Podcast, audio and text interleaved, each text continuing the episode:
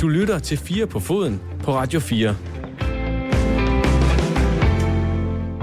Coronaen har igen omsluttet dansk fodbold og sat en stopper for store mængder af fans på tribunerne. 500 personer er igen maksimum, og når man trækker trænere, spillere, somiansvarlige kommunikationstyper, direktørtyper, lidt pengefolk og noget presse fra, så efterlader det plads til få hundrede fans. Så nu handler det så om at begrænse konsekvenserne for personalet ude i klubberne. som lyder det fra Divisionsforeningen. Det kigger vi nærmere på i den første time sammen med lidt andre Superliga-ting. Derudover lidt Gareth Bale, lidt Thiago, noget Superliga er ekstra, en portion kvindelandshold og ikke mindst et øh, kig rundt i de øvrige europæiske ligaer. Velkommen til dagens udgave af Fire på Foden. Mit navn er Dan Grønbæk. Du lytter til 4 på foden på Radio 4. Og sådan. Lidt, lidt kajt med de der jingler der. Det bliver bedre, stille og roligt. Skal vi ikke satse på det? Goddag til dig, Asger Hedegaard Bøj. Hej, hej. Hej, du er øh, forfatter og øh, skribent på Weekendavisen. Øh, jeg sad jo faktisk, vi skal blandt andet snakke lidt om Gareth Bale i dag, mm. øh, som skiftede tilbage til Tottenham. Og så sad jeg og fandt ud af, at alle de her øh, fantastiske bøger, man købte, øh, for mig mit vedkommende, da jeg var lidt yngre, sådan om en klub, mm. og bare sådan en fortælling om en klub, der har du skrevet en om Tottenham. Ja, det har jeg. Øh, jeg har sammen med et, et forlag her for Aarhus øh, øh, udgivet en, en del forskellige bøger om øh, spillere og øh, øh, VM og klubber, og sådan til aldersgruppen, hvad skal vi sige, 7 til 10 år. Sådan de første læsere, øh, så de sådan rigtig kan, kan lære noget om det, der er vigtigt i livet. Jeg tror, jeg var 15, da jeg læste den. Nu sidder jeg forbi en lille smule. Jeg havde ikke lyst til sådan at sige, at jeg var for ung, da jeg læste den. For ikke... Okay, godt. Den er i hvert fald... Der er lidt fin information, og den det er jeg glad for. Så har vi en ekspert på plads til det. Tak. Øh, goddag til dig, Gisle Thorsen.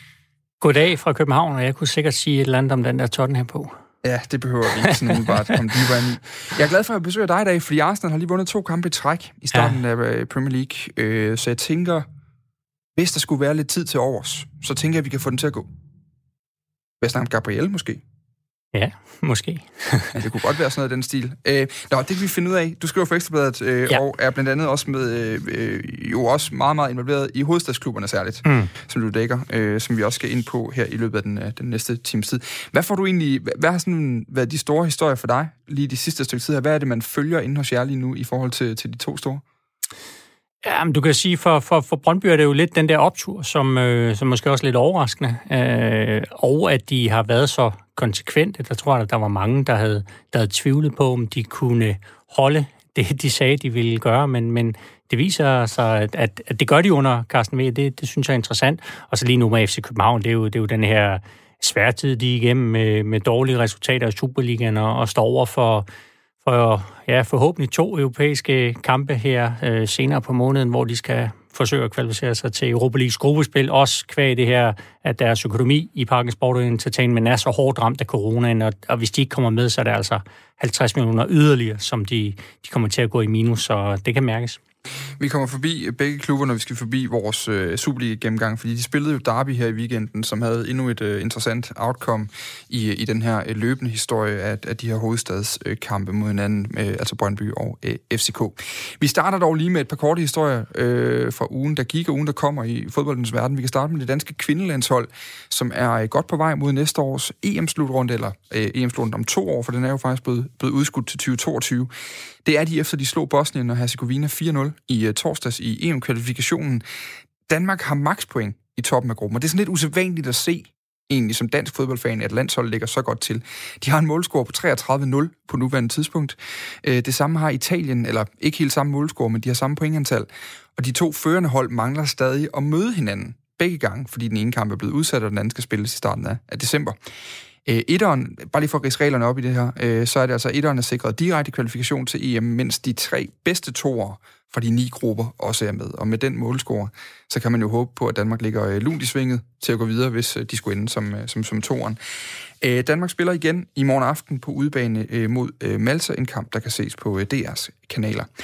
Så kan vi lige kigge mod Holland, og der er altså lidt interessant ting, fordi den tidligere FC Nordsjælland-spiller Mohamed Kudus er blevet øh, kåret til man of the match i sin debut i S-divisionen. Hans nye klub, øh, Ajax Amsterdam, slog jo øh, RKC øh, med 3-0, og Kudus havde flest taklinger for Ajax sammen med Per Schurs, som er forsvarsspiller. Han havde flest succesfulde driblinger, og derudover havde han også den højeste afleveringsprocent på banen. Så på den måde, så, øh, så er det gået ret godt. Jeg, jeg kan egentlig godt, jeg kan lige tænke på den her, han blev solgt for, nu må du hjælpe mig, Gisle. Øh, noget, noget, noget, der ligner 50 millioner. 50? Cirka, cirka 50. Okay. Er, er det egentlig ikke for billigt? Altså, hvis han er sådan en mand, der går direkte ned og har øh, så straight impact i en stor klub som Ajax? Nej, ikke hvis du ser, altså dels har du noget, noget corona, og så tror jeg også, at vi skal begynde at tænke på de her aftaler som øh, meget mere end bare det beløb, der bliver nævnt først, fordi det FC Nordsjælland har, har der øh, fået nogle klausuler med ind, der gør, at når Kudus bliver solgt, for det gør han, så, så kommer de også til at score penge på det. Lidt ligesom med, med Lobotka, som jo indbringer en, en meget, et meget stort millionbeløb, da han skifter fra Celta til Napoli. Så, så det handler om for dem at sige, okay, nu sender vi Kudus til en klub, hvor vi ved, at han bliver solgt fra altså et rigtig godt udstillingsvindue i Ajax, og så får vi så pengene på det tidspunkt, eller mm. den resterende del af pengene. Så skal vi også lige øh, mod England til sidst, fordi øh, i England der venter den her, øh, vores gode ven, Asger, mm. Thomas Sandgaard. Ja. Kan du huske ham? Øh, ja. Ja, ja. han er gang med at købe Charlton. Ja. Usædvanligt ja, ja. dejlig åben mand, der gerne fortæller lidt om forløbet i sådan en, i sådan en sag ja. der. Han øh, venter stadigvæk på godkendelsen fra EFL, den engelske ligaorganisation, øh, fordi han har lavet aftaler med de nuværende ejere af League One-klubben Charlton Athletic om at købe klubben, øh, men går altså stadigvæk nu og venter på at blive godkendt i den her øh, fit and proper owners test. Men efter vi talte med James Corbett, som er britisk journalist og dækker det her for, øh, for det danske medie faktisk Off the Pitch, og han sagde, at, øh, at det, altså, du, skal, du skal virkelig have begået noget kriminelt, for ikke at komme igennem mm. en test. Der er rigtig mange slyngler. Ja, det, det må man sige. Det, det kræver ikke meget mere end et kig ned over ejerskaberne i Premier League og Championship for, for at, at, at kunne se det. Øh. Det interessante er, at han var faktisk på lægterne. Jeg, jeg har sådan et sms-kontakt med ham løbende, og nu, han, man kan sådan mærke, at der kommer flere og flere punktummer efter mm. de beskeder, han sender øh, hvor jeg skrev til ham den anden dag, sådan, Nå, er det tæt på nu? Og så skriver han, giv det lige et par dage mere. Og så tror jeg, der var syv punkter mig bagefter. Hvor jeg tænker, det må være en mand, der efterhånden er godt træt af at vente på, at noget skal godkendes. Ja, han lød allerede lidt øh, utålmodig sidst, vi snakkede med ham. Men øh, en, en øh, virksom mand virker det til, og, og meget, som du siger, åben, og, og, og lad os håbe, at han kan ligesom, vil fortsætte med at være så åben, både over for pressen, men også over for, for klubbens fans. Ja. Det er sådan ret øh, befriende, synes jeg. Ja, det er ret dejligt. Mm. Ja, I weekenden, der var han som sagt på lægterne, da Charlton altså tabte øh, 1-3 til Doncaster hjemme på The Valley. Men jeg har skrevet med ham i dag, han er stadig interesseret i klubben øh, på trods af det. Du lytter til Radio 4. Og øh, så øh, begynder vi på en, en mere kedelig øh, nyhed, fordi da Mette Frederiksen i fredags øh, stillede sig op for nationen for at annoncere en række øh, coronastramninger, så kunne de se til med bedrøvet mine rundt omkring i de danske fodboldklubber. Nu er det nemlig igen kun muligt at få op til 500 personer ind til en fodboldkamp i Danmark, og det er reglen frem til i hvert fald den 4. oktober. FCK øh, handlede hurtigt. De forsøgte at få søndagens derby mod Brøndby udsatte, men det lykkedes ikke. Og Brøndby de kunne så løbe med den her sidste minut sejr øh, foran stort set tomme tribuner. Det kommer vi øh, tilbage til lidt senere. Men øh, klubberne står nu igen med den hovedpine, der hedder sæsonkortholdere, tilskuere, der allerede havde købt billet, men altså ikke kunne komme ind for at se Superliga-fodbold alle sammen i, i weekenden, og altså også med nogle konsekvenser, som, øh, som bliver større og større i takt med, at der går flere og flere kampe uden fans på, på lægterne. Nu kan vi sige øh, pænt goddag til øh, dig, Claus Thomsen. Dag. Dag. Du er direktør i Divisionsforeningen, og du er med på en uh, telefon her, og uh, jeg synes bare, vi skal starte med det store spørgsmål uh, fra start af, og så lad os grave også lidt mere ned i svaret bagefter. Hvad betyder det for de danske fodboldklubber, at de ikke må, øh, må lukke flere end 500 ind til kampene, i hvert fald de kommende to uger? Det, det er jo øh, tæt på at være det samme, som slet ikke var om at lave nogen i. Øh, så det er jo utrolig kritisk, og det er jo særdeleshed kritisk, når man er i gang med at kickstarte sin sæson. Man har inviteret alle ind. Jeg tror, vi stort set har haft udsolgt øh, med den, øh, med den mulige kapacitet på, på samtlige stadioner i weekenden. Lige pludselig skal man til at sige til sine partnere, I kan ikke komme. Øh, man skal til at sige til sine fans, I kan ikke komme. Øh, man skal, hvis man er i Midtjylland, øh, smide tusind tilberedte måltider til, øh, til, til loungen ud, øh, fordi man har mindre end 24 timer til at øh, komme på plads med et mindre antal mennesker på stadion. Rent økonomisk, jeg, altså, fordi lad os bare være ærlige, Claus. Vi snakkede sammen for et par måneder siden i samme program. Jeg tror faktisk næsten, det var på samme tidspunkt, hvor vi snakkede om nærmest det samme, og jeg stillede nærmest, nærmest samme spørgsmål, øh, hvor du også sagde, at det ville have konsekvenser øh, fremadrettet. Øh, den her gang, der udtalte du i dag til, til Ekstrabladet, at, at det handler altså også om at begrænse de personalmæssige konsekvenser nu. Altså, hvor presset er Superliga-klubberne nu her inden anden omgang af, af, af lukning? Jamen, Superliga-klubberne er jo veldrevet, så de skal nok håndtere situationen, men på et eller andet tidspunkt, så betyder det jo, at man skal skalere ned. Fordi når vi kigger på, hvad er det egentlig, vi har på spil her, øh, af den samlede omsætning, som øh, hvis vi snakker 3 Superliga er i omsætning, er i omegnen af 1,6-1,7 milliard øh, i, den, i den senere sæson. Jamen så det, vi har på spil her, det er i omegnen af 850 millioner. Så det giver sig selv på et eller andet tidspunkt, så øh, kommer det til at koste arbejdspladser. Og, og prøv lige at forklare de her 850 millioner, fordi jeg tænker, at klubberne tjener ikke nødvendigvis 850 millioner på, at der kommer fans på, på, på stadion. Hvordan er det, man har regnet det beløb sammen? Jamen dels så er der jo det, øh, det, det, det handler om, at der er tilskuere på stadion i det hele taget, og matchday-indtægter og så videre. Men så er, der, så, så er der det, at når vi snakker øh, lande af Danmarks størrelse, så er der ikke nogen partnere, som køber eksponering alene, altså tv-eksponering eller andet.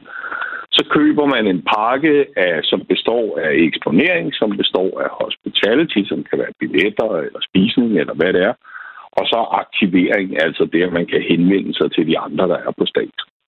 Øh, og det, der jo sker her, det er jo, at man piller to af de tre ben af skammen, øh, og så vælter den øh, øh, helt naturligt. Så, så, det er jo, så det er jo den del af økonomien, vi har på spil, fordi det her er et økosystem. Det er ikke noget med, at man kan tage øh, to ben væk, og så bliver skammen stående alligevel. Hvor, hvor, øh, en, fordi du har også ved at sige, at, det, at nu skal I have gang i noget akut dialog med, øh, med regeringen og med i det her forum, jeg har haft med, med politiet og, og andre, det her samarbejdsudvalg, tror jeg, det bliver kaldt. Hvor, hvor meget er I hos Divisionsforeningen egentlig blevet hørt fra, fra politisk hold i, i den her omgang? Fordi I lavede jo en test af de her forskellige øh, øh, øh protokoller, I har lavet, og de her forhold, I kunne afvikle fodboldkampe under, som jo er gået godt i de her 38 testkampe. Øh, i, I den her omgang, der er vi ikke blevet hørt. Vi, havde, vi havde jo noget dialog om, øh, at det her kunne bredes ud til, øh, til andre, altså til første division og til anden division og til andre idrætsgrene, til andre arrangementer. Så det havde vi en, en dialog om. Vi har ikke øh, haft nogen form for dialog, øh, da vi kom hen imod øh, den nedlukning, der har været nu. Øh, Øh, og det bekymrer os jo, fordi at, øh, det, det, er jo, det er jo essentielt for os, at vi kommer øh, ind i et rum, som hedder, at det handler om, hvorvidt man forsvarligt kan afvikle arrangementer. Det handler ikke om symbolværdien af, at der er nogen, der sidder på stadion eller ej. Skal det forstås sådan, at du, at du mener, at de her tiltag, som så har ramt fodbolden, at det, det er symbolpolitik for at bruge et, et term fra en anden verden? Ja, det, det vil jeg være forsigtig med at sige. Jeg, jeg går ud fra, at myndighederne har vurderet, at det her det er nødvendigt, fordi det er meget alvorligt. Øh, og øh, vi, har, vi, har blot ikke, vi har blot ikke hørt forklaringen. Vi har ikke hørt så meget andet forklaring, end at smittetallene er stedet, så derfor kan man ikke have øh, afholde øh, kampe i 3F Superliga med, med tilskuere efter de retningslinjer, der har været. Øh, og, øh, og det må vi jo acceptere, og, og det er jo Danmarks sundhed og sikkerhed, der står øverst. Men det handler jo meget om, at forud for det, der havde vi jo 38 kampe, hvor vi har vist, at vi kan afvikle øh, fodboldkampe i 3F Superliga, uden at, der har kunne, at det har kunne konstateres, at der har været taler om smittespredte begivenheder i nogle kampe. Og vi havde hellere set en dialog, hvor man siger, jamen hvad er det så, der skal til? Er der noget, der skal strammes yderligere? Er der noget, der skal gøres? hvordan eksekverer vi det her forsvarligt? Fordi vi investerer jo rigtig store beløb i det, og klubberne investerer rigtig store beløb i at begrænse skadevirkningen af covid-19 på det danske samfund. Øhm, noget af det, øh, FC København jo forsøgte, det var at få kampen mod Brøndby øh, udskudt til en senere dato. De meldte ud, øh, at de er kommet med forskellige løsningsforslag til hos øh, Divisionsforeningen, men at, øh, at det blev afvist. Hvorfor var det det her derby ikke kunne blive, blive flyttet, øh, og eventuelt også andre kampe, så der er mulighed for at få flere tilskuere ind på et tidspunkt, hvor, hvor Danmark ikke er lige så hårdt presset? Det er fordi, vi har den mest øh, pressede kampkalender i, øh, i fodboldens historie i Danmark øh, i den her sæson. Vi er kommet i gang to måneder senere, end vi skulle have været i gang. Altså, vi skulle have været i gang midt i juli. Øh, og vi skal slutte på samme tidspunkt, fordi der er EM i 2021. Så det er sådan, at hvis vi skal kunne afvikle turneringen i år, øh, så skal alle kampe spilles i de runder, hvor de er planlagt. Desværre uafhængigt af, om der kan være tilskuere eller ej. Øh, og det er jo fordi, at, at vi, hvis vi kommer ud i, at vi lige pludselig ikke kan afvikle turneringen, eller vi skal til at begrænse turneringen, skære den til, jamen, så har vi en meget større skadevirkning end øh, de enkelte kampe, hvor der desværre ikke kunne være tilskuere med her. Mm. Lige til allersidst, øh, Claus Tom, så skal jeg nok slippe dig, fordi øh, jeg gætter på, at du har travlt med alt muligt lige nu. Men, øh, men har det været på tale at suspendere Superligaen, hvis det nu viser sig, at det her øh, loft med 500 tilskuere øh, kun er for en kort periode? Nej, det har det ikke, fordi øh, et, det er der ikke plads til i kampkalenderen, og to, det er nødvendigt, at 3F Superliga spiller færdigt, fordi at der er hele det her økosystem. Så, så vi er altså ikke i en situation, hvor vi ikke spiller kampe. Og det vil være tilskuere eller ej. Mm. I hvert fald, tusind tak, fordi du lige var med her i programmet, Klaus Thomsen. Vi glæder os til øh, opfølgningen, og så satser vi på, at der er fans på stadion igen efter 4. oktober. Det vil være dejligt. Tak skal I have. Jeg kunne godt tænke mig lige at, at vende den her studie også. Øh, jeg synes, der er et par interessante ting i det her. Jeg skal først og fremmest, vi snakker også lige kort om det, inden vi gik i studiet. Det her beløb, man taler om, de her 850 millioner, det er halvdelen af en Superligas omsætning set i det store. Det er garanteret også med afledte effekter og øh, potentielle øh, muligheder i forhold til, til det nye marked og sådan noget. Øh, hvor alvorligt kan det her blive? Fristes jeg jo til at spørge i forhold til både den danske, men også internationale fodbold? Jamen, det er alvorligt. Øhm, men, men det er jo rigtigt, som Claus Thomsen siger her, at det kan blive meget mere alvorligt. Og det bliver det jo, som han siger, hvis man ikke kan, øh, hvis man ikke spiller færdigt. Altså, der er ikke noget for mig at se noget alternativ, hverken i Danmark eller internationalt, til at spille færdigt uden tilskuere. Og så får vi de her kede, den her kedelige atmosfære og de her mærkelige kampe, og måske også nogle mærkelige udfald i kampene, men de bliver dog spillet. Og det siger han, Claus Thomsen her, at det skyldes jo, at der er tale om et økosystem. Det er jo en pæn måde at sige på, at, at fodbolden er kapitalisme, når det virkelig øh, altså batter, ikke? Fordi man kan sige, øh, øh, det som, det, der hvor fodbolden allerede er såret nu, det er jo i forhold til fans, i forhold til kommersielle øh, samarbejdspartnere. Det sidste ben, for at blive hans terminologi, som stadig står, det er jo, øh, det er jo øh, tv-rettighedspakkerne. Altså det er aftalen med øh, øh, hvad hedder det, Discovery og via, øh, Viasat og hvad det ellers hedder, øh, om at afvikle kampene. Og det er stadigvæk for de danske klubber og, for, og, og, og, og, og internationalt også, så er det det vigtigste ben. Øh, altså økonomisk set. Mm. Øh, fordi en ting er, at man spiller for tomme tribuner, men hvis kampen ikke kan afvikles, så taber man mange flere penge. Fordi det er de her milliardkontrakter øh, med, med de store tv-selskaber, som er helt livsnødvendige og helt altafgørende for, for Superliga-klubberne. Så, så helt klart med på det her, at det skal spilles, det skal gennemføres, uanset hvor mærkeligt setupet bliver. For det skal vises i tv, og det lyder kedeligt, men sådan er det. Men, men det er jo interessant også det her med, at vi ser den her beslutning, altså eskaleringen i smittetallet, det er dybest set det, der har gjort, at vi er endt, hvor vi er endt nu, og, og det er sket relativt hurtigt. Altså det var tirsdag, det blev meldt ud, at der var ekstra øh, restriktioner i de her 17 omtalte kommuner, særligt hovedstadskommunerne, og så fredag bliver det så til hele Danmark lige pludselig. Øhm, Gisle, der, der blev jo også lavet, Brøndby FCK gik jo tidligt i gang med at kigge på, hvad de kunne gøre øh, for at ligesom øh, holde kampene ved lige, og, og kigge på det her derby også, om det kunne rykkes osv. Men, men, men dybest set, Øh, vi, vi ved jo ikke, om det her det sker igen om en måned. Nej, jeg tror også primært, det var FC København, der, der, der gik ja. meget, meget tidligt i gang med at, at forsøge, og, og, og de kom jo også med, med nogle forslag til, til dato. Altså Clausen siger så, at der ikke er plads der. Der har de nok en anden holdning derinde, men, men Asger siger, det jo også meget, meget fint. Altså, han, han nævner ikke tv-aftalen, men, men, men den er jo så vigtig. Altså, det vil jo ikke være, øh, tror jeg, så sjovt som øh, divisionsforeningens øh, direktør siger, men nu har vi altså ikke en hovedkamp til øh, Nent, som har, har sat hele fladen af. Det er mm. søndag, søndag eftermiddag, og har et, har et rigtig, rigtig godt produkt stadig. Selvom der ikke er tilskuere, så er det jo stadigvæk et, et fornuftigt øh, tv-produkt. Men, men det er da det er da mega bekymrende, det der sker. Øh, det er jo også nu, at klubberne skal ud og gentegne med sponsorer, eller de har været i gang, men de skal også ud og sælge nye sponsorater og sige, hvad er det, vi kan sælge? Altså, det er jo det her med at sige, det her netværk, du får på stadion, det her med at kunne invitere nogle kunder ud, og alle de her ting, hospitality, som det så fint hedder, jamen, øh, de ved jo ikke, hvornår de kan tilbyde det. Øh, så, så hvis jeg var sponsor, ville jeg da også sige, jamen, hallo, øh, hvad, hvad er det egentlig, jeg køber, hvad er det for et produkt? Øh, og, og, det, og det er jo også svært at sige, desværre, i, i ja, hvornår det kommer op og, og ligner noget, der er, er normalt igen. Det interessante er, hvis man kigger øh, ser engelske kampe lige for tiden, så har de jo holdt det helt lukket. Det er også en anden situation, mm. og vi skal ikke gå... Jeg, jeg, det her program her, det er øh, friheden ved at lave fodboldjournalistik i øjeblikket. Det er, at man ikke behøver at forholde sig så meget til, hvad der sker op og ned i de her smittetal og alt muligt andet, fordi det er simpelthen for svært øh, til, at, øh, synes jeg, til man sådan rigtig kan gå ind og blive klog på det. Men, men i mange andre ligaer har man jo valgt at holde helt lukket. Jamen, jeg altså, tror, frustrationen kommer også meget over at sige, at de her klubber øh, mener, at de faktisk har vist, at det, det kan lade sig gøre at ja. afvikle fodboldkampe. Så ved jeg godt, der har været nogle billeder fra, fra et par stadions rundt omkring, men, men, men sådan helt generelt, så vil jeg sige, jamen, vi har faktisk øh, lykkes med at afvikle de her fodboldkampe på forsvarlig vis. Tilhængerne har også øh, for meget, meget stor dels vedkommende vist sig at være med på, at det er anderledes at gå til fodbold lige nu. Ja. Altså, de, de sidder jo tilbage med følelsen af at sige, men vi har jo gjort, hvad vi kunne, og jeg mindes heller ikke, at der er hvad kan man sige, et corona-udbrud, der kan spores tilbage til, til fodboldkampe. Så det er der, jeg tror, at frustrationen skal findes. Jamen, det er, jo, det er jo rigtigt, men, men samtidig må man også sige, at der er også kritiske røster i andre sportsgrene, som siger, hvorfor må fodbolden, når, når vi ikke må? Så fodbolden har jo også været en undtagelse, øh, og det bliver også omtalt som testkampe, de her 38 mm. kampe, mm.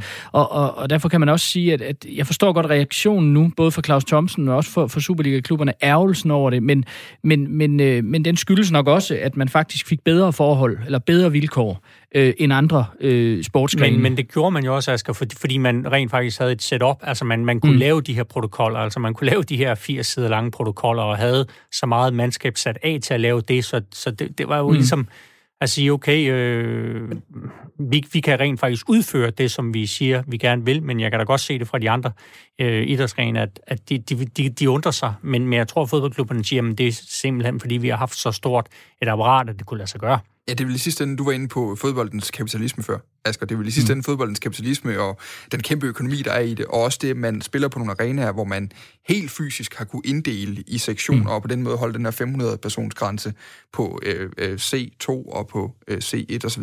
Så det er vel dybest set øh, de ja. rige og de store i fodbolden, der netop har haft mulighed for at åbne op igen. Jo, det, det er det jo, men, men øh, Claus Thomsen siger det her med, med, eller han siger det ikke, du spørger, spørger ham om, om, om det, han siger er, at det er symbolpolitik, det her. Det vil han selvfølgelig ikke sige, men, det er, men alligevel lader han måske antyde, at mm. han synes det. Og, og det, det kan han jo på en måde have ret i, men, men, men symbolværdi eller symbolpolitik betyder jo faktisk også noget lige i de her uger eller måneder.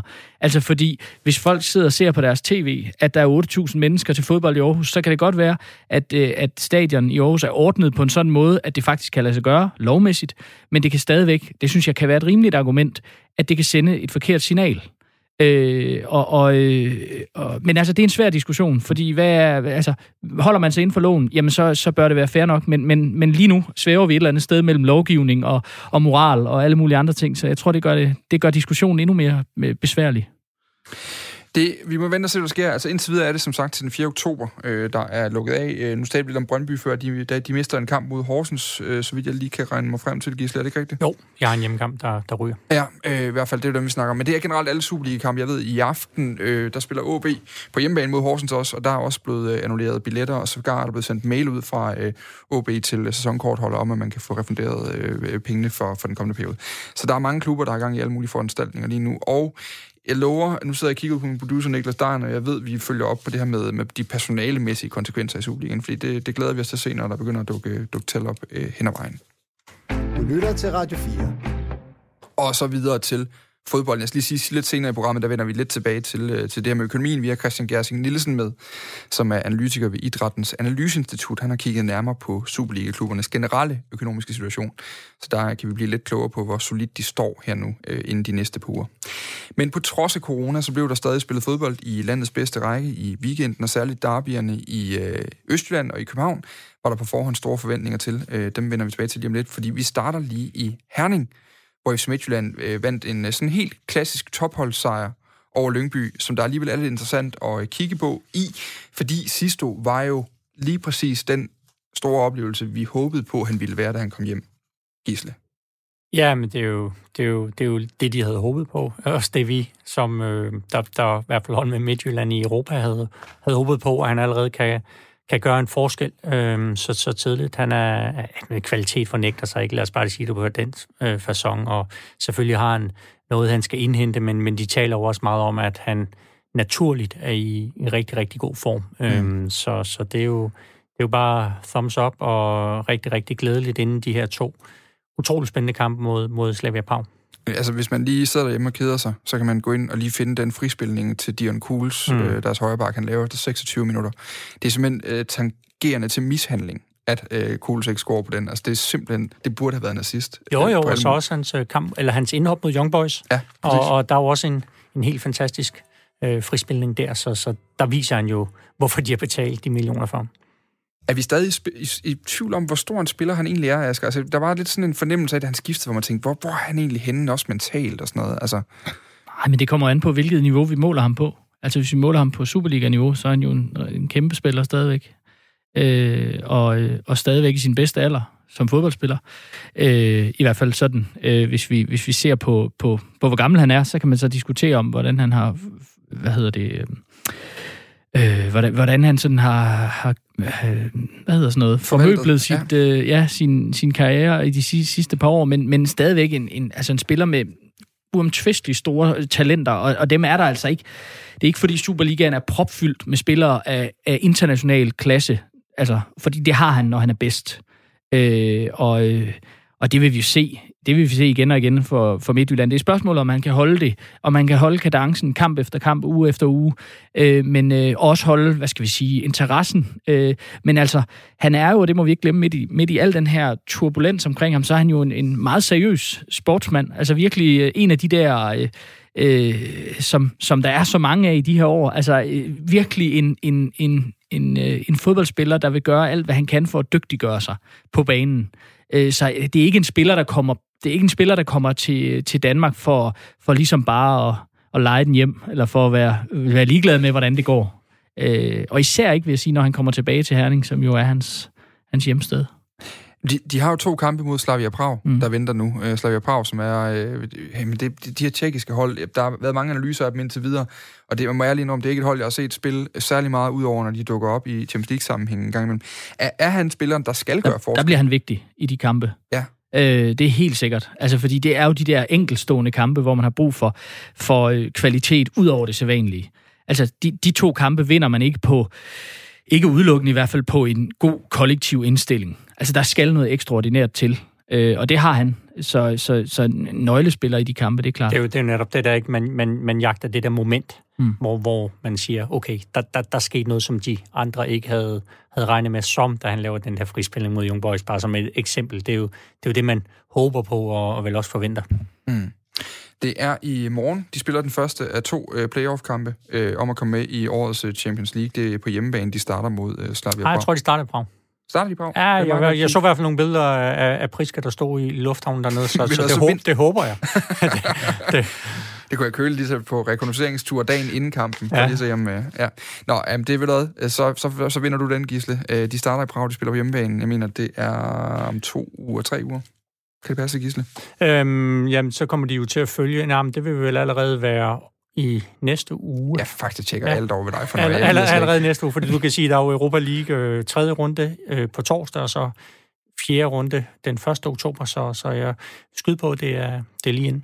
Jeg har en sætning her øh, i mit manus, hvor der står, i morgen spiller FC Midtjylland den første af to playoff-kampe på udebane for at komme med i årets Champions League. Den næste kamp spilles den, og så står der ikke mere. så bliver det altså svært lige pludselig. Nå, øh, vi skifter direkte fra, øh, fra den bane til øh, parken, fordi derbyet i København var endnu en gang øh, med fuld drama på, særligt på grund af en øh, vis øh, polsk herre ved navn Kamil Vilcek, som allerede efter øh, få minutter spillet øh, leverede et helt klassisk Vilcek-mål øh, med hovedet. Fantastisk indlæg for Karl Bartolic. Han gjorde det til 1-0 det endte så alligevel øh, kedeligt. Øh, først var det Jesper Lindstrøm, der gjorde det til 1-1, og i overtiden, som det jo nærmest efterhånden er blevet en vane for Brøndby, der scorede Michael Ure så til øh, 2-1 til Brøndby, som tog derby-sejren med hjem. Øhm, hvad lærte vi af den her kamp, Gisle? Jamen, vi lærte i hvert fald, der er noget, noget gods i de der unge Brøndby-gutter. Altså, det, det der er stærkt, at man mod et, i hvert fald på papiret, bedre hold, øh, kommer, kommer tilbage på den måde på udebane. Nu ved jeg godt, der ikke er, var mange FCK-tilskuere derinde, men, men, men det viste noget moral efter, at de lige virkede lidt groggy efter Vilceks første scoring. Man vil sige, reelt set, der, der bør Vilcek vel afgøre kampen øh, mm. kort efter, men, men øh, er for uselvisk. Ja, det er underligt at skulle sige om, om en angriber, men, men forsøger at spille falk i stedet for selv at hugge den ind. Uh, men, men, men der er der, noget, der er der trods alt noget, noget bund i det her Brøndby-hold. Det, det synes jeg, vi lærte, og så lærte vi også, at FC København øh, lukker nemme mål ind. Altså, de har meget svært ved at finde det der FC Københavnske udtryk med at sige, okay, men defensivt, der er vi der i hvert fald. Jeg kunne godt tænke mig at åbne en lidt anden diskussion op. Altså ikke den klassiske, der hedder, er Ståle Solbakken fyringstråden nu? Fordi vi ved jo alle sammen udmærket godt sætte ud til, at der skal rigtig, rigtig meget til, også mere end to tabte kampe i starten af sæson. Men når man nu kigger på FCK, så i løbet af hele 2020, der har de kun 1,2 point i gennemsnit. Øh, de har tabt de første to kampe i den nye sæson. Der virker også til at være nogle mangler i spillet, altså som simpelthen ikke peger på den her organisation. Man plejer at kende det her mesterhold fra. Det plejer at være dem, der vinder 1-0 over Lyngby, øh, som, som Midtjylland øh, gjorde her. Øh, er Ståle Solbakken på en eller anden måde vokset sig så stor, at han kan ende med at være et problem for klubben. Men lad os prøve at vende den på den måde, fordi selve fyringsspørgsmålet er svært at forholde sig til. Asger, kan en person blive større, også for stor? Mm, Ja, det kan, det kan man vel godt. Altså, jeg er lidt svært ved at vurdere, om, om, om Ståle Solbakken er der. Øh, fordi han er selvfølgelig, kan man sige, set over de sidste, hvad bliver det, 15 år. Øh, den, øh, hvis ikke den største skikkelse i Superligaen, så en af dem øh, på både træner og spillersiden. Øh, men, og det er klart, at pilen peger mod ham, når det går skidt. Øh, men, men altså, det er meget tidligt i den her sæson, og man kan sige, at hele øh, 2020 har næsten været sådan en undtagelse, eller har været et mærkeligt år. Altså, øh, hvor man har spillet uden tilskuere, med få tilskuere, og så har man, og så har man spillet lidt igen, og sæsonen har været skubbet, og sådan, så, så jeg synes, ah, jeg, jeg vil godt give det et halvt års tid mere, øh, men jeg ved, du er lidt mere utålmodig, end jeg er den. Nej, nej, jeg, jeg, nej, jeg har, jeg har besluttet for ikke at forholde mig til den type spørgsmål, fordi jeg vil meget nødig have, at Ståle Solbakken forholdt sig, som jeg skulle fyres lege. Så på den måde, så virker mm. det sådan, som en, en fair deal at sige, det, det, så lader jeg Gisle og de andre. Men det er klart, han er, han er stor. Øh, ja. Han er så stor, at vi har den snak her om det nu, ikke? Altså, fordi, øh, fordi man godt ved alt det, han ligesom har bragt ind, ikke? Og, og når vi sidder og efterlyser den her FCK-skhed, som ikke er her nu, så er det jo hans værk. Ja, præcis. Øh, så, så på den måde er det svært at adskille ham, der har skabt det, fra det skabte. Det lyder nærmest som, så det lyder nærmest bibelsk, ja. Men eh, Gisle, det er vi frem til, det er også, at nu, når man får pressemeddelelser fra FCK, altså der har senest været lidt uh, personale nyt, kan man sige, mm. omkring, der er Johan Lange stopper, der er Anders uh, Storskov, uh, bliver stoppet, mm. kan man sige. Mm. Og når han ændrer så kommer det fra Ståle. Det er ligesom Ståle, der er afsender på tingene. Det er ham, der dikterer retningen, virker det til. Også i kraft af, at du og andre dygtige journalister har kunnet berette om, om en FCK-ledelse, som måske er er mere forretningsorienteret, end den er fodboldorienteret. Altså, der er mere og mere ansvar, der råder over på Ståle. Jo, jo, men det er jo ikke tilfældigt, at han har øh, titlen manager. Øh, og ja, så har de en, en teknisk direktør, som, som Aston Villa så snuppede, men jeg ved ikke, om, om de helt havde... Det må man formode, de, de, de havde, men altså man kan jo godt sige, okay, de, de snupper Johan Lange, men det var jo ikke topmanden i FCK, at, at Aston Villa de to. Øh, og så er der jo også det her med Ståle Solbakken, han refererer jo direkte til bestyrelsen. Mm det, det er også lidt, lidt usædvanligt, at, at han er oppe på, på det niveau, så du kan sige, at han er jo på, på direktørniveau, øh, lige så vel som øh, Lars Bo Jeppesen, som, som styrer alt det her inde i parken, og, og Jan, Jan Heidt som, som øh, koncerndirektør, som, som primært har, har med Lelandia at gøre. Altså, han er jo på samme niveau, det er bare inden for fodbolden. Mm. Men, men er han, han, han, jamen jeg kan stille dig samme spørgsmål, jeg stillede Asger. Altså, er han, blevet, er han blevet så stor, at, det, at man er nødt til at gå unødigt langt, før man fyrer ham, at måske også går for langt? Altså, det man kan sige, der kan blive problemet med, med typer som Ståle Solbakken, eller, eller folk, der har siddet der så længe, det er, at man siger, at de har jo haft så meget succes, så, så spørgsmålet er, om du, du stiller nok spørgsmål til, til det, de laver. Altså at sige, okay, når vi gør det her, er, er det så også det rigtige at gøre? Der, der, der kan man jo, når man har den succes, sige, jamen prøv at se, se tilbage. Altså det, jeg laver, det, det virker. Øh, så, så det vil jeg sige, det, det er altid faren med, med de her mennesker. Det var jo lidt det samme i, i Arsenal, Manchester United. Altså når du har øh, Wenger, når du har øh, Alex Ferguson, jamen så, så kan det godt blive lidt, kommer det der modspil. Øh, mm. Er nogen, der udfordrer dem og siger, men oh, er det her det rigtige? Altså jeg, jeg tror, det er sin sag og, og, og sige til, til Ferguson, til Wenger, til Ståle Solbakken og sige, jamen det der, det, det, det, det, det tror jeg simpelthen ikke på, ham der skal vi ikke hente, fordi det er det er det. Altså du ved godt, hvem det er, der bestemmer. Øh, så på den måde kan det blive en hindring, selvom jeg er sikker på, at, at alle de tre vil sige, jamen, jamen vi lytter naturligvis, og, og vi ønsker det modspil. Jamen, øh, det er, det er jeg enig i. Altså, det, det, er jo, det er jo den ultimative trumf, man har, når man, hvad enten man hedder Alex Ferguson eller Ståle Solbakken, at så kan man sige, jamen, hvad, hvad er alternativet? Øh, og, øh, og, øh, eller man behøver ikke engang at sige det, fordi, øh, fordi i mange af de her klubber har vi også efterfølgende set, at, at det er svært. Det er svært at komme efter øh, den, her, den her skikkelse. Og det er hele tiden det, man, man også hele tiden skal have med. Det er det her, men det kan godt være, at vi er nede i en bølgedal nu, men, men, men, øh, men chokket kan blive så stort øh, efter at en sådan stor skikkelse her skal erstattes, at, øh, at det er der ikke nogen, der tør. Der er ikke nogen, der tør gå så langt. Mm.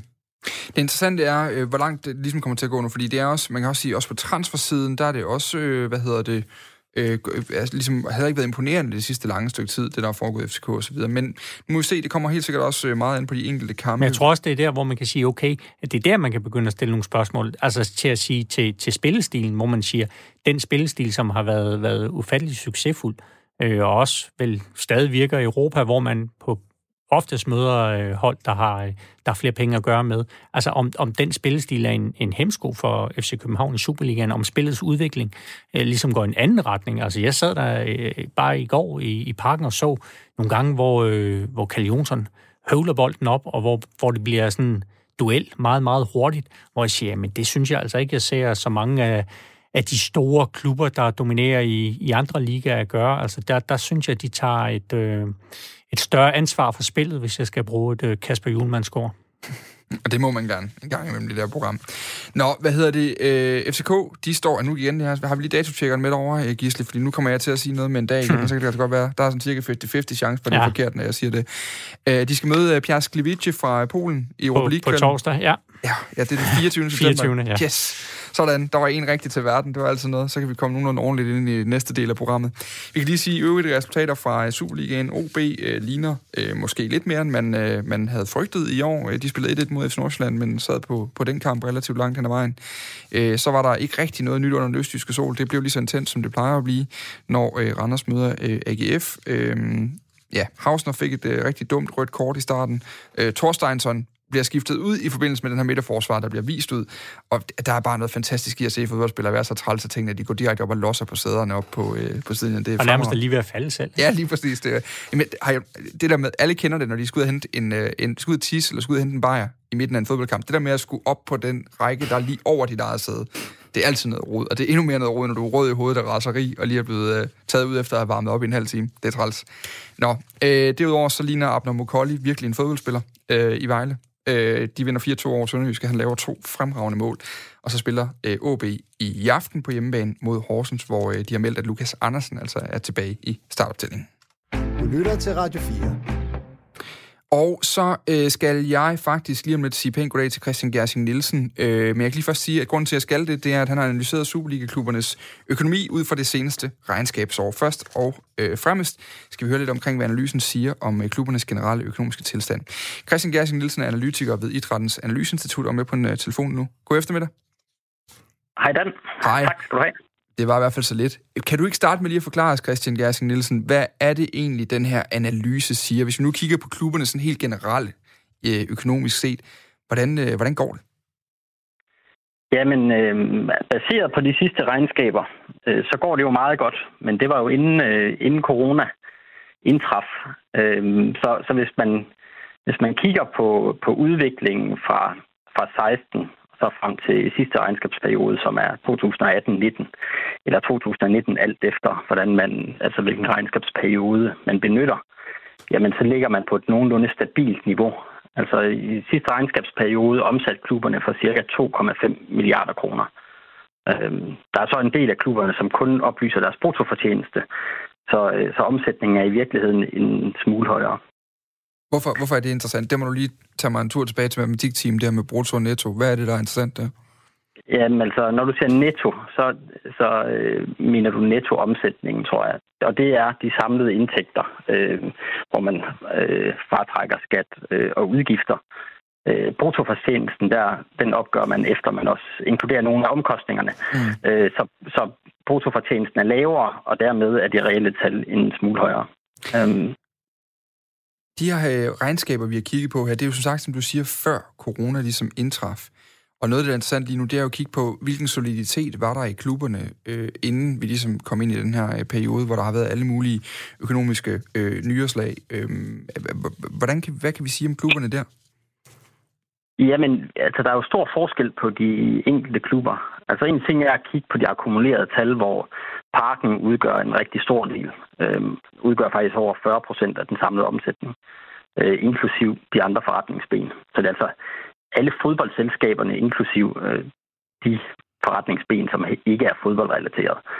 Øhm, Men i alt er det halvdelen af de klubber, som spillede i Superligaen i 17-18, der også oplever en fremgang i omsætningen eller bruttoresultatet. Altså alt efter, hvad det er, de, de opgør det i. Øhm, og samlet set, så kommer klubberne ud med et lille overskud på knap 14 millioner, så den, det er jo en, øh, sådan generelt set en, en, øh, en liga i, balance, men der er så store forskelle, hvor FC Midtjylland kommer ud med det største plus på 56 millioner kroner efter skat, og Brøndby de har så et, et, et rigtig stort tab mm. øh, i den periode. Øhm, så så sådan konkluderende, så kan man sige, at hvis vi udelukkende forholder os til sidste regnskabsperiode, så ser det egentlig meget stabilt ud, ud fra sådan en helhedsbetragtning. Øh, men det var inden det hele var corona-ramt, ja. kan man sige. Og, og, og vi ved ikke særlig om det nu, fordi øh, jeg ved, der, der, er nogen, der er nogle af klubberne, der afleverer regnskab her i løbet af sommeren, som så øh, de skal lige revideres osv., så, så de kommer her i løbet af, det må være halvårsregnskaberne, som lander her i løbet af, af efteråret på et andet tidspunkt. Men, men, øh, men, men kan vi give nogle antydninger af, at at der er nogle klubber, der vil få det sværere med de her indtægtstab, der har været under coronaen end andre? Ja, altså det, det kan vi godt. Øhm, og hvis vi nu starter sådan helt ved, ved altså hvad betyder corona? Altså det er mm. som sagt svært at sige noget om endnu, fordi det hele er så usikkert. Altså vi ved ikke, hvornår vender vi tilbage til normale tilstanden. Gør vi det overhovedet? Altså sådan til helt normale tilstanden. Øh, så er der hele spørgsmålet om hjælpepakker og hvor længe de fortsætter. Øh, og så er verdensøkonomien, kan man sige, er i sig selv også et, øh, en faktor, der spiller ind, og hvordan ser det ud i de andre ligaer. Altså, øh, det kan være, der kommer en afmatning på, på transfermarkedet. Øh, så, så det er svært at, at svare på, hvor svært eller hvor slemt det i virkeligheden ender med at blive. Men når det er sagt, så kan man så sige, at fodboldøkonomien generelt øh, har et stort problem, fordi at de fleste klubber er ret så presset på økonomien. Mm. Øh, og, og i mange tilfælde så balancerer klubberne på grænsen af finansielt kollaps. Mm. Øh, og, det, og det skyldes den struktur, man har. Altså man har et op- og nedrykningssystem, øh, og man har kvalifikation til europæiske kampe. Så det, der sker, det er, at klubberne de går ind i et våbenkapløb om at tiltrække de bedste spillere. Øh, et rigtig godt eksempel på det her, det er, når man kigger på Championship, jamen de har, den al, de har de allerhøjeste lønninger i forhold til deres omsætning. Fordi gevinsten ved at rykke op er så kæmpestor. Så klubberne de investerer helt vildt i spillere, som er det primære input i forhold til, hvordan de klarer sig i det her kapløb. Øh, og det betyder, at der er sjældent er nogen penge på bundlinjen, fordi de ryger alle sammen i spillernes lommer. Øh, og så de fleste klubber, de klarer sig, fordi de overlever nedrykning, hvis det eksempelvis, eksempelvis er det, der er tale om. Men taberne, de rykker ned, og så taber de en stor mængde indtægter. Og de har så, det kan godt være, at de kan bringe deres omkostninger ned, men de har altså stadig en hel masse omkostninger, der skal betales. Og problemet er, at spillerne de er typisk ansat på længerevarende kontrakter, og nogle klubber de har klausuler osv. Øhm, men det er også svært, når man går ind i en forhandling i forhold til det, fordi hvis man skal have en klausul i kontrakten, jamen, så vil spilleren måske have flere penge. Så det er hele tiden sådan en afvejning. Så rigtig mange klubber, der rykker ned, de har omkostninger, som er på hvis vi tager den danske liga, Superliga-niveau, som de så kan forsøge at bringe ned, men deres indtægter, de falder markant. Og det er et økonomisk chok, som i sig selv kan være ret svært øh, at overleve. Øh, når man så også bliver ramt dobbelt af det her coronachok, jamen så er det rigtig svært. Og der er mange af de mindre klubber øh, i Danmark, altså elevatorklubber og, og, og klubber, der godt nok er etableret i Superligaen, men som, som kæmper med økonomien og har en lav egenkapital, og der er endda klubber, som har en, en negativ egenkapital. Når de så har tilpasset deres øh, budget til Superligaen, og de så rykker ned, og der så også lige er den her øh, coronasky, så, øh, så ser det rigtig svært ud for dem. Ja, øh, jeg har et spørgsmål her fra studiet også, øh, som går på, øh, jeg synes det er meget interessant det her med lønningerne, fordi det har jo også været sådan en, en diskussion øh, internationalt, som også som det europæiske fodboldforbund UEFA har gjort meget for med sine financial fair play-regler for, eller lovgivning for, for øh, at dæmme op for, altså det her med, at, at, øh, at lønningsposen øh, er så stor i forhold til den samlede omsætning. Øh, hvad, hvad viser jeres, øh, jeres tal om Superligaen der? Er, der? er det også stadigvæk et problem i Danmark, øh, at man ligger på, på, på en alt for høj procentdel af, af øh, øh, som skal gå til lønninger? Altså, problematikken i forhold til, til Superligaen her er, at det er seks af de 14 klubber, som, øh, som kun opgør bruttofortjenesten. Det vil sige, at vi kan ikke rigtig sige, hvor stor, store personaleomkostningerne er i forhold til, til omsætningen. Øhm, så, så det er ikke noget, vi har behandlet yderligere i, i, øhm, i den her undersøgelse. Okay. Jeg kunne godt tænke mig lige at høre, Christian Gersing, øhm, transfers. Altså, vi ved jo, der er flere klubber. Vi ved, at Midtjylland for eksempel har jo haft en, en meget, meget... Øh, man kan jo godt kalde en risikobetonet strategi, der hedder, at de skal lave nogle store salg, og så skal finansiere den, den løbende udvikling af klubben og, og spillertruppen og, og føre investeringer ind.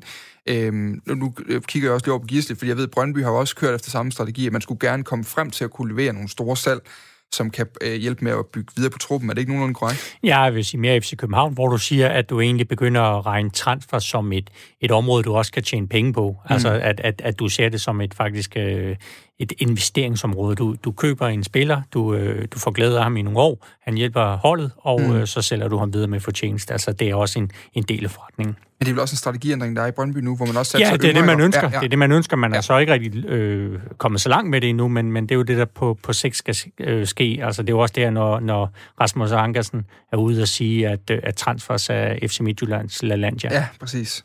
Det er efter en gloriøse citat, han kom med der.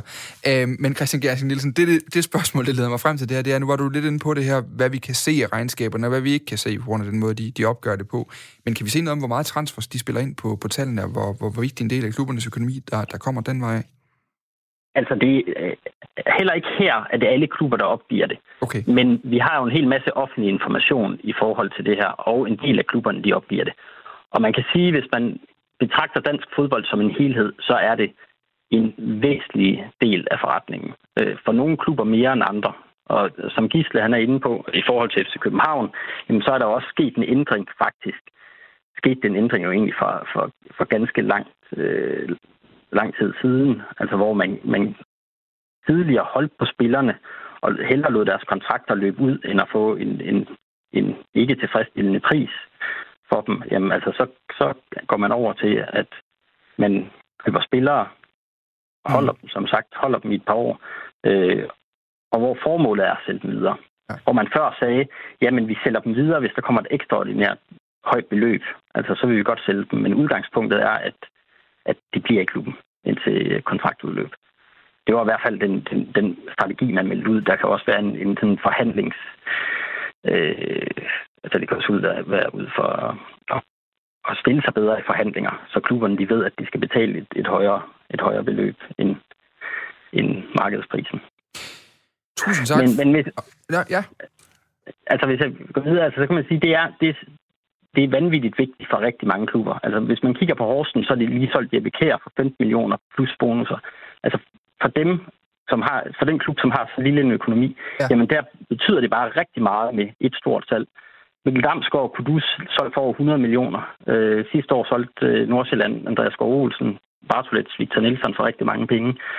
Øh, Brøndby lavede nogle sådan forholdsvis store salg efter deres næsten mesterskabssæson. Øh, og, og særligt FC Midtjylland, hvis man kigger på de seneste to regnskabsperioder øh, for deres vedkommende, så, øh, så vil deres... De kommer ud med nogle rigtig flotte øh, tal, men havde de ikke solgt spillere, så havde de været, havde de været blodrøde, de regnskaber. Mm. Så også for FC Midtjylland, så længe, nu, nu er de så kvalificeret, sikret kvalifikation til Europa i år, og så betyder det ikke lige så meget, men de år, hvor man ikke kvalificerer sig til Europa, der er det afgørende at få nogle, øh, nogle store øh, spillersalg. Øhm, og så kan man sige, det man kan være bange for, det er, at der sker en, en sammentrækning på transfermarkedet. Det ved vi ikke helt endnu, men FC Midtjylland har jo været ude at sige, at, at det ikke er et godt tidspunkt at sælge på. Du kan sige, at Nordsjælland er, Undskyld, hvis jeg bryder ind her, men, men Nordsjælland, de siger jo også, de er jo egentlig reelt bange for, om de, de får alle de penge, som de har til gode i rater, Præcis. fra for de spillere, de har solgt til, til primært Sydeuropa. Ja, ja, det er korrekt. Der er også øh, en, en risiko øh, den vej. Øh, men man kan så sige, med, Nord- med Nordsjælland, det er rigtig ærgerligt for dem, hvis de ikke får de penge, som de skal have. Øh, men de står bare rigtig godt rustet fordi de har formået at lave to kæmpe salg igen. Mm. Altså, øh, den, den kører altså rigtig fint, den, øh, øh, den talentfabrik.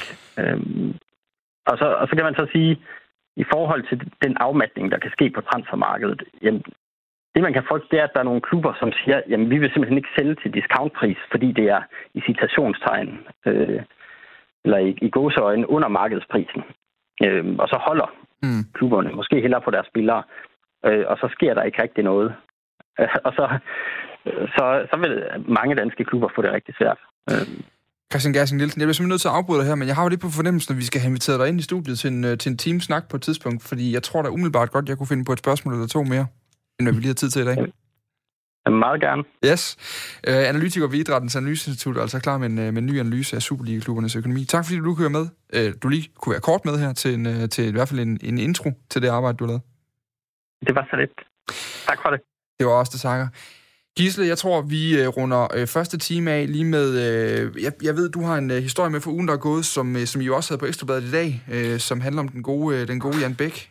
Ja, men det er jo lidt en, en, en afløber af, af Darby'et og, og alt den snak om, om Kamil Vilcek. Der, der, var, der var nok mange, der har, i hvert fald nu her i løbet af mandagen, set, at Jan Bæk han var ude og, og skrev lidt på Instagram om, omkring øh, ja, Vilcek, øh, også en en øh, lille hilsen til FC København, og også lidt apropos alt det, vi har talt om her den første time med, øh, med hjælpepakker. Um, I, I, I lige prøv at læse den op her. Ja, Jan Bæk 8 på Instagram. Det er simpelthen så godt med folk, der lige skal have at tale deres navn. Man bliver så træt. Presse og alle bliver ved med at tale om en spiller, er med på, at det fylder hos mange, men who cares? Sikkert er, vi aldrig kommer til at stå på en ølkasse og bede staten om flere penge, mens man bruger et ikke ubetydeligt tocifret beløb på en 32-årig østeuropæer. Punktum. Udopstegn. Ja, han har så været ude og, og sende en ny senere på eftermiddagen. Han nok godt har set, at han, han havnede lidt i, i stormvær, øhm, hvor han, han ja, kan sige, trækker lidt i land, men jeg synes, der er jo flere ting i, i det her, øhm, og jeg, jeg er da rimelig sikker på, at, at der er nogle ledere ude i Brøndby, der nok har sagt, åh oh, nej, øh, ikke, ikke igen. Altså, fordi altså, jeg er da sikker på, når de mødes med, med deres kolleger i, i FC København, så er de da helt enige om, at de skal forsøge at få alt den hjælp fra staten, som de overhovedet kan få. Um, og så kan man jo også måske tale om, om, om lidt om sprogbrugen om en, en 32-årig østeuropæer, hvad man, hvad man synes om det. Det, det er jo lidt sådan en engelske tilstand, ikke? Med de her ejere her, som, øh, som, som har det. Men det var ikke første gang. Altså, var der ikke også noget... Øh, var det ikke Oscar-sagen dengang? Jo, jo. Jo, jo, jo. jo. Han, er, han, er, han er frisk indimellem på, på sociale medier, og det, det synes jeg sådan set også er, er fint, at øh, ejere er. Øh, det er jo også hans ret at gå ud og sige, hvad, hvad han mener om, om ting og sager. Øh, han kan så blive lidt fanget af, at, at virkeligheden øh, ser anderledes ud. Jeg har jo altså også set ham gå ud og, og tale om, at, at de her hjælpepakker var nødvendige for klubberne. Så mm. altså, det er jo, jeg synes, det er sådan lidt en, lidt en, lidt en underlig udmelding. Man kan sige, ja, øh, skulle, Brøndby, eller skulle FC København have hentet Vilcek, men jeg tror, de ser ind i FC København og siger, at vi har mistet øh, Damendøj, vi har brug for en angriber, der kan score nogle mål, vi kan få Vilcek til en overkommelig transfer og en, ja, en fornuftig løn, rigtig nok, men, men vi er jo også nødt til at investere i vores hold, hvis vi skal kunne opretholde det niveau, der gør, at vi kommer i Europa, hvor pengene ligger. Asger, vi har også tidligere sådan en som Lars Seier, som mm. vi også har investeret sig ind i FCK nu. Han er jo også en mand, der øh, står ved sine meninger, mm. og også godt tør at kaste det masser, når øh, vi ude i pressen ringer til ham en gang imellem. Jo, men jeg har det sådan lidt dobbelt med det, ikke? Fordi vi kan jo godt blive enige om, at det, at det er lidt latterligt, men på den anden side er det også meget fedt jo. Altså, vi snakkede før om, om, om den gode Thomas, som som øh, ja, nærmede sig Charlton Athletic. Og, øh, og, og, og det er jo fedt, at, at der ligesom er folk, der viser en, en personlighed, men altså klart sprogbogen er, er, er sådan rimelig kritisabel her, synes jeg godt, man kan sige. Altså jeg ved ikke, hvad, hvad, han, hvad det for eksempel har med noget at gøre, han, at han er fra Østeuropa. Hmm. Øh, øh, eller han har en, den alder, han har. Jeg synes, det, det er sådan øh, under, under bæltestedet, ikke? Men, men jeg synes, øh, altså, jeg synes egentlig, det er meget fint, at, de, øh, at, at der indimellem kommer meldinger fra klubberne, som ikke er koordineret i PR-afdelingen. Helt enig, helt enig. Øh, men, men det gør jo så også, der, der kommer ja. lidt, øh, lidt blæst, og det, det lever han nok også med, Jan Bæk. Vi kan sige, det er ikke det eneste gode citat, som er øh, landet efter den her Derby-sejr. Jeg, jeg hæftede mig også, øh, nu, uden at det, det skal blive ekstrabladet på radio, Gisle. Det er jo, altså, vi er glade for jer, men øh, det er ikke på den måde nej, nej. Øh, sådan en promovindue. Men dog så har I talt med Jesper Lindstrøm. Jeg tror faktisk, det er dig, der har lavet artiklen med ham. Ja, ja. Øh, den her Jobbe, som laver faktisk fremragende kasse i det her Derby, man også skal gå ind og finde. Men øh, udover at han siger, at han ved ikke rigtigt, om han skal sige noget om Vildtjek, han er lidt bange for at komme forkert af sted, så bliver han, øh, så bliver han også spurgt ind til, om han har set alle de lykkeønskninger, der er kommet ja, online. Ja, ja, men det var, jeg spurgte ham, så sagde han nej. øh, Han, han stod dernede og sagde, jeg har tændt telefonen, men uh, der er ikke netværk herinde. Eller det vil sige, jeg har ikke lyst til at logge på deres øh, wifi. Det kan jeg ikke se nogen grund til, så jeg venter.